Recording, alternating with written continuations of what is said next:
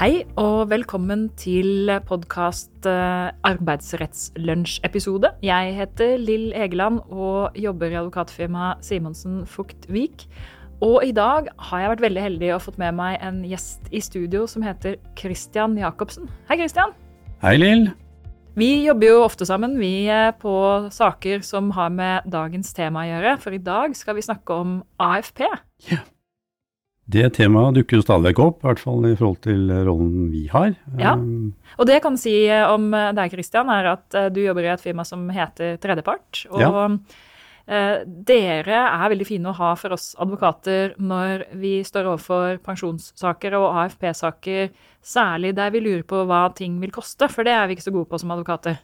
Nei, dere er jo svært gode på regelverk og hvordan ting henger sammen, eh, hvordan det, det foregår. Eh, Vi dukker jo litt mer inn i kroner og øre og den praktiske verden, kanskje. Så, mm, så kan vi kanskje si litt mer enn det en advokat kan si også, i ulike sammenhenger. Det kan dere. Um, Så, så det, og, og jeg har da tenkt at det å snakke med deg om, om et veldig praktisk tema, nemlig AFP, det kan være nyttig for, eh, for lytterne på, av denne podkasten. Og dette sier jeg jo i hver episode, at eh, det jeg vil anbefale lytterne å gjøre, det er å komme seg ut og gå på tur mens de hører på. Det gjelder kanskje enda mer nå i denne AFP-episoden, fordi vi skal gjøre det lett, vi skal gjøre det fullt ut forståelig, men man kan jo bli litt nervøs. Jeg blir i hvert fall av og til litt nervøs av AFP, så da kan det være en fordel å være på beina. Så får du mye mer med deg av episoden. Men det vi skal dekke i dag, det er for det første å snakke litt om hva er AFP, altså the basics, begynne med det. Eh, og så blir jeg veldig opptatt av at det er jo en del sånne fallgruver, eh, særlig i forbindelse med omorganiseringer osv. Så, videre. så de vil jeg gjerne snakke om og høre hva vi skal gjøre for å unngå. ja. Og så vet jeg at det er foreslått en del endringer i dette regelverket, og det tenkte jeg også vi kunne Yep. gå inn på, da. Så hvis vi begynner med the basics, da. Em, hva, er, hva er AFP? Ja, hva er AUP? Det er eh, avtalefestet pensjon, er jo det det heter. Det er jo en tariffestet pensjonsordning, eh, fremforhandlet av LO NHO. Ja. Fra tidenes morgen da, i eh, 80-tallet, altså slutten av 80-tallet, og har da vært endret litt underveis. Eh, startet med å tidligpensjon tidlig pensjon fra 66 år, og senere gått ned til 62, som vi kjenner i dag. Eh, Siste endringen kom jo da i 2011 med pensjonsreformen. Eh, Tidligere var det jo en førtidspensjonsordning mellom 62 og 67.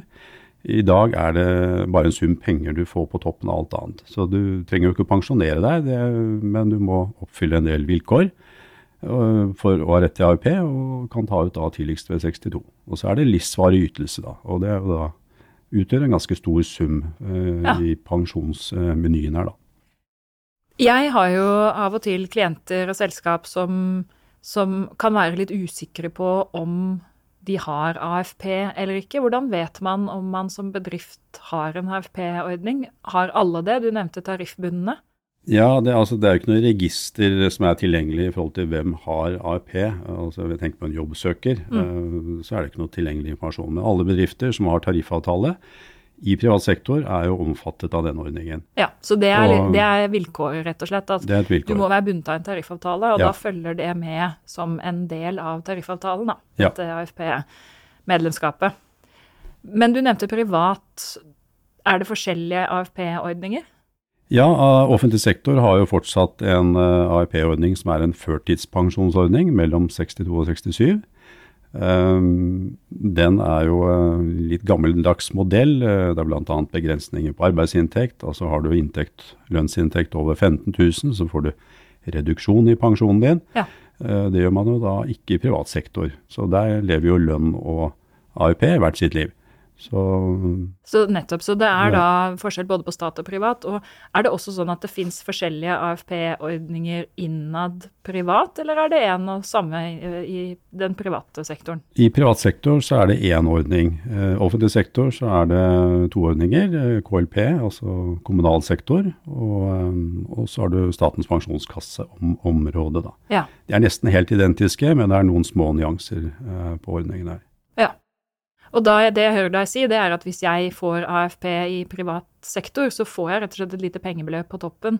Og så Ja. kan jeg jobbe uten at jeg får noe avkortning. Ja. Men jobber jeg i staten, så får jeg faktisk avkortning. Da får du avkortning. Ja, skjønner. Eh, Det gjelder jo da til og med 1962-kullet i offentlig sektor. Eh, Det er foreslått eh, ny modell for 63-kullet, som ligner litt på den ordningen vi har i privat sektor i dag. Ja. Der er det bedring i sikte, da. Så fra fylte 62, og hvis vi da tenker, tenker for dagens podkast, la oss fortsette langs det privat AFP-ordningssporet, da. Så la oss si jeg skal ta ut AFP fra jeg er 62. Eh, Hva, hvor mye penger er det snakk om? Totalt Det er jo sett, avhengig av lønn, selvfølgelig, antall år du har jobbet. og også årskull. Men litt grovt regnet, da, eh, så utgjør AUP fort vekk rundt 1,5 millioner kroner, hvis du ser over et langt liv. Ja. Eh, fra uttak til eh, forventet levealder, som kanskje ligger rundt, eh, rundt 85-86 år. Eh, Det er klart, blir man eldre, lever man til 96, så snakker vi fort pluss-minus 2 millioner kroner. Ja.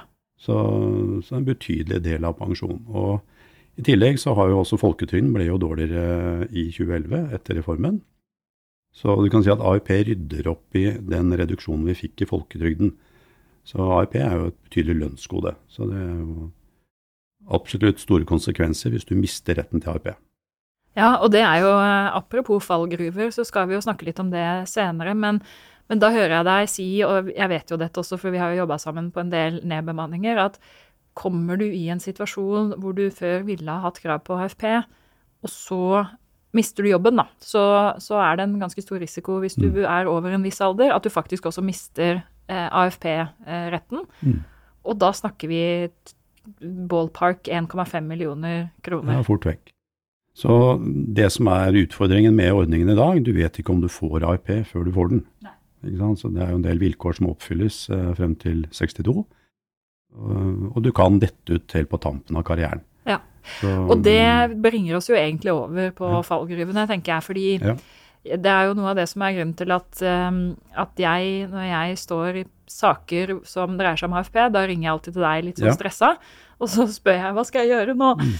Og så har jeg lært meg en del av, men likevel. Det ene som jeg har lært meg, og som jeg gjerne vil at du skal si litt om, det er at du har en opptjeningsperiode sånn i forkant av at du kan ta ut. Hva, hva er det?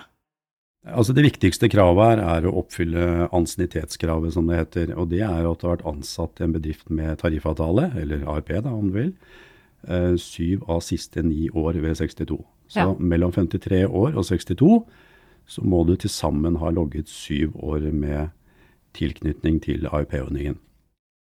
Så, og det er, veldig, altså det er nådeløst. Hvis du mangler en dag ved 62, så, så er du ute av ordningen. For da går teppet ned.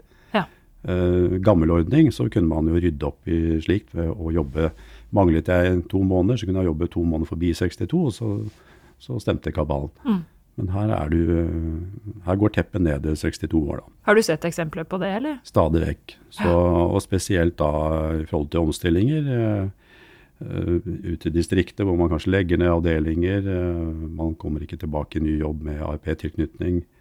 Mister jobben ved 60 år, eller slutten av 50-årene. Um, man har et vindu på to år, da, hvis du er over 53, på å komme deg inn igjen i en bedrift med ARP. Hvis du, altså syv av de siste ni år. Um, så det er liksom vindu. Så får du ikke til det, så er du ute av det. Så i dagens ordning, hvis jeg er si 61 61,5 da, Ja. Og på 61,5-årsdagen min så utløper oppsigelsestiden min i Mm. den tariffbundne virksomheten, fordi jeg har blitt sparka i en nedbehandling. Mm. da går jeg glipp av 1,5 million, da. Det gjør det. Så eh, Ganske tøft. Det er ganske tøft. Så du har ytterpunktene her, da. Det er jo industriarbeideren med 40 år i en tariffbunden bedrift, mister jobben i 60 år, eh, får ikke AFP. Hvis jeg hadde begynt å jobbe i bedrift eh, i en alder dagen før jeg fylte 55 år, så ville jeg kunne logge syv år innen jeg er 62, og få da full opptjening. Så det er ingen andre ordninger i dag hvor du klarer å fylle opp hele kontoen og få eh, opptjening for eh, tiden før også, ved å bare være med i syv år. Mm. Så selv gamle stortingspensjoner hadde jo tolv år, nå er jo det endret, men det var jo full opptjening eh, der. Men, eh, så det er jo en del uheldige konsekvenser her da, som, eh, som, har, som har fått en del oppmerksomhet, selvfølgelig. Mm. Og som man da har sett på i forhold til evalueringen av AIP. Så det er intensjonen er å rydde opp i mye av disse fallgrubbene vi snakker om her. da. Og det blir spennende når vi kommer dit etterpå, ja. så skal vi høre litt på, på, det. Men hvis vi tenker fallgruver og det å unngå å falle ned i fallgruvene hvis man er en arbeidsgiver, da, ja. så er det i hvert fall sånn, tenker jeg, at står du i en prosess som arbeidsgiver og har ansatte i alderen 55 til 62, ja. uansett om det er nedbemanning eller for så vidt også oppsigelse, så må det blinke rød lampe AFP for deg eh, hvis du er bundet av en tariffavtale. Ja. Og det gjør det jo for veldig mange virksomheter. Jeg vil si 80% av de er jo godt kjent med det. Men jeg sier det likevel, for det, da, da, skal det blinke. Og så går det jo an å finne løsninger her mm. som f.eks. innebærer at ja, har du en på 61,5, da, ja, så lar du vedkommende jobbe det siste halve året med ja full jobb og full lønn eller annet, men likevel i hvert fall sånn at man, man, er på jobb og jobber. Og det bringer meg over til fallgruve to, som jeg har lært noe om. Heldigvis ikke the hard way, men jeg har lært av deg før det ble the hard way. Nemlig at hvis du har en sluttavtale hvor du får penger uten å ha arbeidsplikt, mm. så kan det være farlig i mm. forhold til AFP. Si ja. noe om det. Ja, vi har jo regler eh, som gjelder mellom eh, fra du har bursdag fyller 59 år og bursdag fyller 62 år. Uh, I hver tolvmånedersperiode her så kan du maksimalt motta 1,5 G, altså ca. 159 000, uh, i ytelse uten arbeidsplikt. Og hva er nå det? Jo, det kan være etterlønn. Uh, jeg jobber i bedrift A, jeg får tilbud om seks måneder etterlønn eller et eller annet. Jeg har fått jobb i bedrift B, som har ARP. Men hvis jeg er over 59 år og takker ja til dette tilbudet, så får ikke jeg ARP hos min nye arbeidsgiver.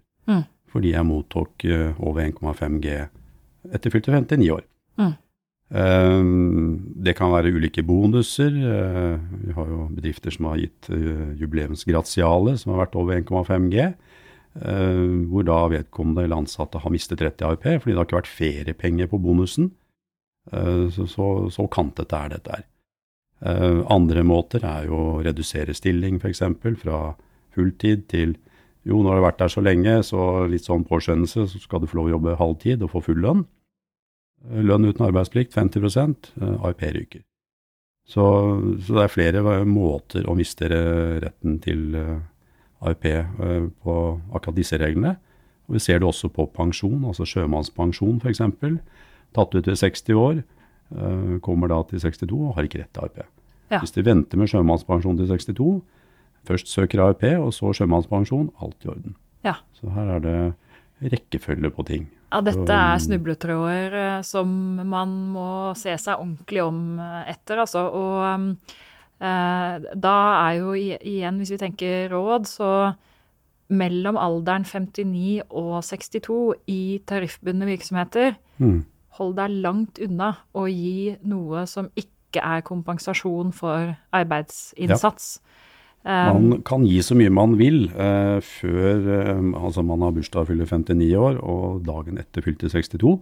Så kan gjerne inngå en avtale med en som er 60 år i dag, og si at ok, du jobber som normalt til 62, men uh, da har du forpliktet deg til å slutte mot å få x antall måneder etterlønn. Ja. Så det er jo en ganske mye brukt avtale. Det er det også, for jeg som advokat litt lyst til å si at jo lenger fram i tid du avtalefester en sluttdato, f.eks. to år fram i ja. tid, jo større er jo risikoen for at man kan si at den avtalen ikke er gyldig. Eh, men det er jo et eget tema. Ja, ikke sant. Den kan som, jo bli utfordret, selvfølgelig. Ja. Og da er det jo da er det en sak for da, dere. Da har vi det som problem ja. i stedet. Men, men, i forhold til AFP-reglene, så, så, er det i hvert fall Så høres det ut som noe som er eh, ok, da. Men, eh, men, dette som sagt er jo ekstremt praktisk. Eh, mm. Og jeg har selv sett, sett, klienter som har vært i ferd med å gå i den fella. Mm. Så, så, det er eh, veldig noe man veldig må både lære og, og, huske på. Vi ser jo også der det ikke er mulig å jobbe fullt. Altså hvis man legger ned en avdeling, eller ja, legger ned et selskap, så er det jo alltid Øverst på listen er jo denne gruppen her. Mm. Eh, hva kan vi gjøre? Kan vi bygge en bro inn til 62 for de som har et år eller to igjen? Og minimumsløsningen er at de er i 20% stilling. Eh, de får en oppsigelse og følger oppsigelsestiden etter arbeidsmiljøloven. Har arbeidsplikt på hver krone de mottar, går da over på 20% stilling, som har en varighet til og med måneden de fyller 62. Uh, og da slutter. Dette kan jo da kombineres med f.eks. 80% dagpenger. Så det er en ganske mye brukt ordning å, som en minimumsordning, da. Ja. Så, um, og grunnen til at det funker, er da at da jobber du 20% og får 20 lønn. Og ergo Yes. er det liksom samsvar mellom det du Ja. jobber og det du får i inntekt, da. og så er det jo Man kan jo ikke ta en industriarbeider og sende vedkommende på hjemmekontor. Uh, ved deltidsstilling uh, før man, og på slutten av karrieren, da, så krysser man av for at man har redusert stilling i senere år. Så er fellesordningen fra AIP interessert i mer informasjon. Da vil de gjerne ha uh, kopi av avtaler som er inngått osv. Mm. Og ved tvil så ber de om uh, at arbeidsgiver må sannsynliggjøre hvordan arbeidsplikten er oppfylt. Og Der også har jo noen røket, uh, hvor man har inngått avtaler i beste mening, men uh, man har vært litt slepphendte med arbeidsplikten. Og da går det gærent.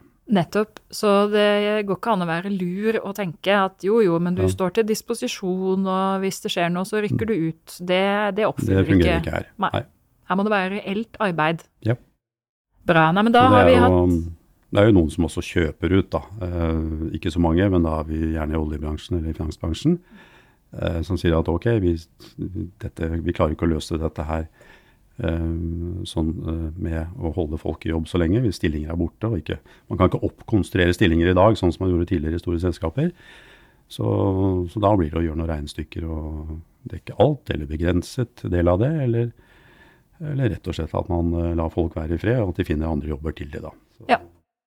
Og som advokat så får jeg jo lyst, øh, lyst til igjen å si at alt, alternativet til det, hvis man skal tenke rått og brutalt, er selvfølgelig at, at man behøver ikke Man er jo ikke forplikta til verken å betale ut noe eller lage disse ordningene. Det, teoretisk sett kan man også Mm. gå til oppsigelse. Mm. Mm, Og det kan hende at det er saklig, i hvert fall Mm. hvis man legger ned en hel virksomhet. Ja. Når det er sagt, så hvis du ikke legger ned en hel virksomhet og har en utvelgelsesproblematikk, Mm. så vil det at vedkommende mister AFP-en sin, nok være ganske viktig i vurderingen av saklighet og utvelgelse. Mm. Så, så derfor kommer jo disse praktiske løsningene ofte inn, eh, som du snakker om her, da. Ja, du kan jo si AIP med, er med på å forsterke vernet av seniorer i arbeidslivet. Altså, Ja. Det er jo sterkt vern innenfor arbeidsmiljøloven som ditt område, og praksis og den etablerte praksisen rundt det. Eh, Men det er klart AIP er jo med på å forsterke dette ytterligere, for det har store konsekvenser. konsekvenser. Og bra er det. Ja. Men det var to viktige. altså Det er opptjening i sju år, og det der med ikke jobb mer enn eh, Nei, ikke få mer penger enn du jobber. Det er liksom to fallgruver. Mm. Er det noe annet? Hvis Ja, det har- det hjelper jo ikke bare å ha syv år. eh, Det kan du gjerne få ved 60 år, da. Fra 53 til 60. Mm. Men du må jo også tre år før uttak eh, sammenhengende vært tilknyttet, ansatt og reell arbeidstaker. Ja. Og der kommer den 20 %-stillingen inn, altså minimum 20% stilling, da. Så, um, så det holder ikke at du bare har orden på ansienniteten. Og du kan ta noe permisjon i denne perioden også før uttak, eh, inntil 26 uker. Mm. Men det kan ikke være i starten av treårsperioden, og ikke i slutten. For, eh, hvis det er i starten, så har du ikke begynt på de tre årene. Nei. Og er du på slutten, så er du jo ikke reell arbeidstaker på uttakstidspunkt. Så det er liksom Man skal holde tunga litt rett i munnen her. Ja. Og så er det jo regler også i forhold til inaktivitet. Eh, tre år før uttak så kan man maksimalt ha vært eh, 100% borte i 104 uker. Mm. Altså to av de siste tre årene før uttak. Inkludert sykemelding. Det er jo da gjerne sykemeldinger. Så ytterpunktet her er jo hvis jeg bulker med bilen min i en alder av 59 år og blir sykemeldt først 12 måneder til 60, da har jeg vanlige sykepenger i 12 måneder. Ikke frisk. Eh, fra 60 til 61 så går jeg på 100 arbeidsavklaringspenger. Eh, da har jeg brukt opp 104 uker. Eh, men hvis jeg klarer å jobbe én dag i uken siste året med 80% arbeidsavklaringspenger, ja, da har jeg likevel rett til ARP. Da er du på 20 Da er du på 20 mm. Dette kan jo også fikses ved å fortsette å jobbe forbi 62 hvis du mangler noen måneder. Dette er ikke låst ved 62 år. Nei. Og det er gode må, nyheter, så det, da, øksa faller ikke da. Den er ikke endelig da, så det går an å rydde opp i da. Nettopp. Og det gjelder vel, antar jeg, også eh, f.eks. sju års eh, opptjening av ansienniteten, da. Mm. Da får du ta ut når du er 64 f.eks. i stedet ja. for 62. Så lenge ansienniteten er i orden, så kan du gjøre det. Ja. Så jeg Vi hadde også en nylig sak her nå som dukket opp. Eh, det er jo en del nordmenn som er utstasjonert. Eh, det er jo litt egne regler der også, at du må være tilknyttet sammenhengende tolv måneder før utreise. Mm. Eh, og når du kommer tilbake, så må du umiddelbart jobbe tre måneder i bedriften sammenhengende. da. Men uh, dette var en person som hadde vært ute ganske lenge, og han skulle lande litt og søkte permisjon. for Han skulle reise litt på hytta og lande litt i gamle landet. Uh, søkte da AUP året etter. Han var gammel nok, fikk avslag. Så han skulle tatt den permisjonen den, de tre månedene umiddelbart han kom tilbake, og så uh, kunne han tatt permisjon. Det hadde vært greit. Så dette, men dette gjelder jo da i ansiennitetsopptjeningsperioden, altså 53 til 62, da. Ja, og det er jo det som gjør at eh, jeg begynner å liksom skjelve litt hver gang eh, det er snakk om noe som dreier seg om fravær eller annet for ansatte ja. i den perioden der, fordi det kan få så enorme konsekvenser. Så da ringer jeg deg, eh, Christian. Jeg kan hende jeg det, Av og til så har jeg lært meg såpass at jeg klarer å liksom catche at her er det noe, og jeg klarer å se på reglene, men jeg føler alltid et behov for å ta opp telefonen og snakke med deg. Det er veldig bra. Ja. Nei, men fint. Det, da har vi, har vi, kanskje vært gjennom Det er jo sikkert flere fallgruver, men kan dette ja, være det viktigste? Ja, det er jo kanskje nevne dette med mobiliteten mellom eh, offentlig og privat sektor, da. Ja. Eh, for det er jo også litt som plunder i dag. Eh, hvis du er over 55 år og jobber i offentlig sektor, så går du til privat sektor da, så vil du ikke få AIP. For du klarer jo ikke syv år. Nei. Nettopp. Så, og da går du fra gjerne Statens pensjonskasse pensjon, som er god, eller KLP-området, og over til en innskuddsordning uten ARP. Ja. Da er det kanskje mulig jeg tenker meg om eh, eh, Kanskje jeg eh, ikke tar den jobben allikevel. Dette er også ting man skal rydde opp i, da. Ja, ja det, er, det, er, også en god nyhet eh, at man ser på det. For det eh, er jo ikke veldig godt for mobiliteten i en stor del Nei. av arbeidsmarkedet, dette her. Oppi, oppi årene. Ok. Nei, men eh, bra. Og da har du jo hinta litt over på disse endringene som eh, nå er eh, på trappene, eller i hvert fall i støpeskjeen. Kan du ikke si litt om det? Jo, eh, nå startet jo arbeidet i 2018. Eh, da ble LO-NO enig i en protokoll om rammene for å fremforhandle forslag til ny modell. Da. Og litt av intensjonen der er jo å rydde opp i disse uheldige reglene. altså det skal ikke være bingo om du får ARP eller ikke. Og øh, det man har foreslått, dette er jo da mulig endring, det, mm. det er et stykke frem her, men øh, det er jo at ytelsene knyttes, knyttes, til hvor lenge du har jobbet i bedriften, eller mm. en bedrift med ARP. Litt som en gammel ytelsespensjon, altså du får opptjening for de årene du har jobbet i en bedrift med ordningen. Så, så, du bygger jo, bygger år på år. Eh, de årene du ikke er i tariffestede bedrifter, de får du ikke noe for i utgangspunktet. Og, eh, men der er det litt sånn dårlig register på altså historikken til folk. Vi fikk jo arbeidstakerregister i 2015. Eh, så der har man jo register på hvor folk har jobbet, og kan avstemme mot det.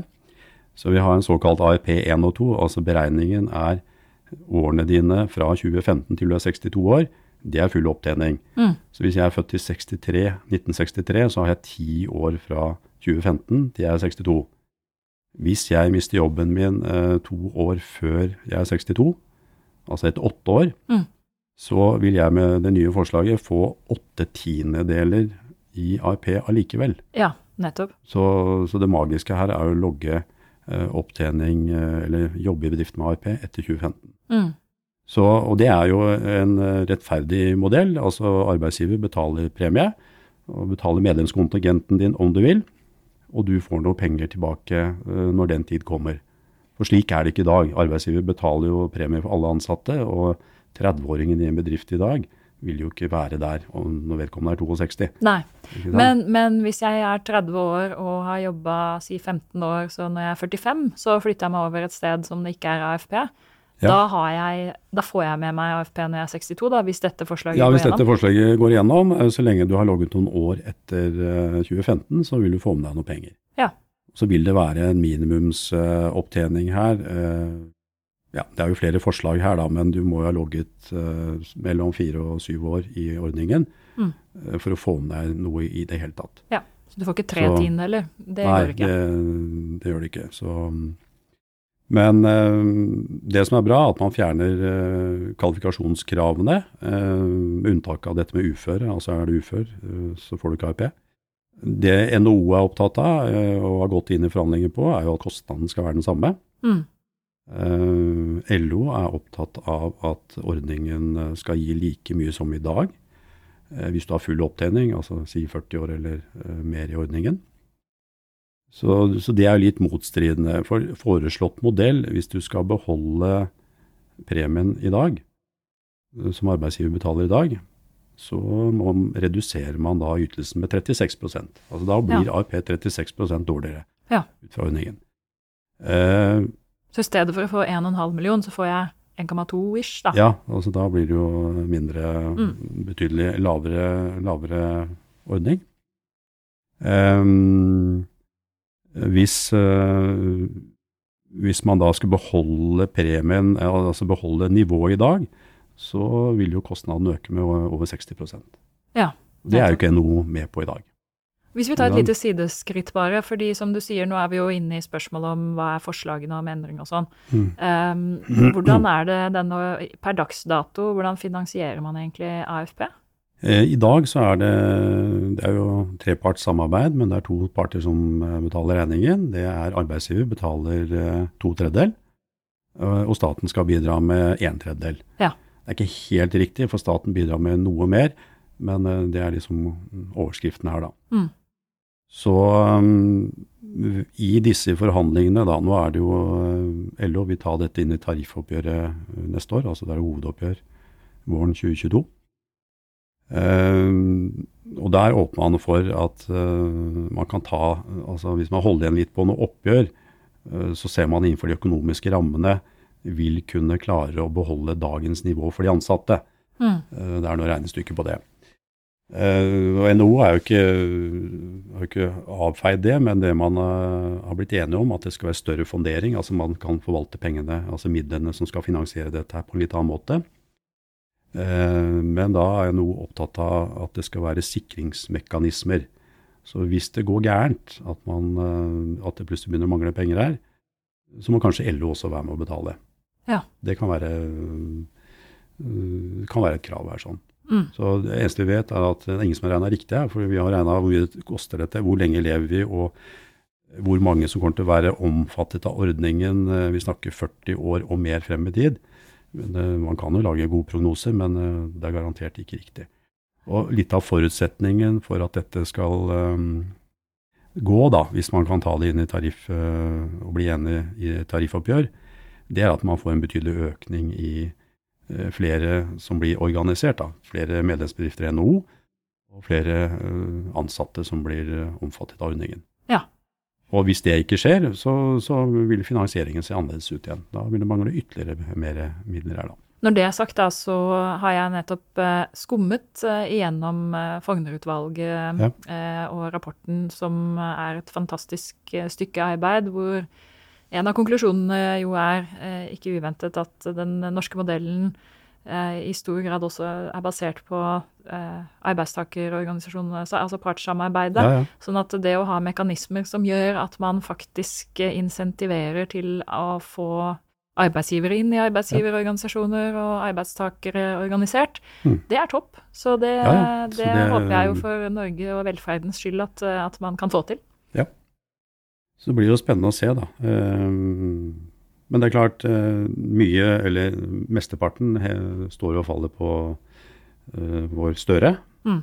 Så han sa i valgkampen at han eh, ville være med på å øke bidraget til AIP-ordninger, men han har ikke sagt hvor mye. Nei. Så det er spørsmål hvor mye penger han har å komme med da, for å kanskje få til en modell her. Hva er neste skritt i dette arbeidet med ny Nei, modell? altså Neste skrittet nå er jo hovedoppgjøret 2022, og så er det jo tenkt at dette skal gjelde for 1961-kullet og senere. Så det, vi snakker 2023. Um, om de klarer å lande det innen den tiden, det er jeg litt usikker på. Men uh, jeg tenker at det er 1963-kullet kanskje som får uh, bli kullet, som, som, alle andre endringer som har skjedd. Vi får se. Men uh, det står og faller på finansieringen her, rett og slett. Mm. Det er, veldig, altså, det er mye bra i forslaget å rydde opp i mye av urimeligheten. Og nå er det sånn at uh, pengene følger den ansatte Mm. når man betaler inn. Det er ryddig. Hvis jeg er arbeidsgiver nå med en AFP-ordning etter dagens uh, eksisterende modell, er det noe jeg behøver å tenke på eller forberede meg på, utover selvfølgelig å lære litt om hva som skal skje? Ja, altså det, I og med at dette blir penger eh, de ansatte får uansett, da, hvis det blir modellen, eh, så kan jo arbeidsgiver presentere dette som en del av pensjonsordningen. Jo, vi har innskuddsordning, den er sånn og sånn. Vi Mm. har AIP, det er jo avhengig av hvor mange år du logger i ordningen. Mm.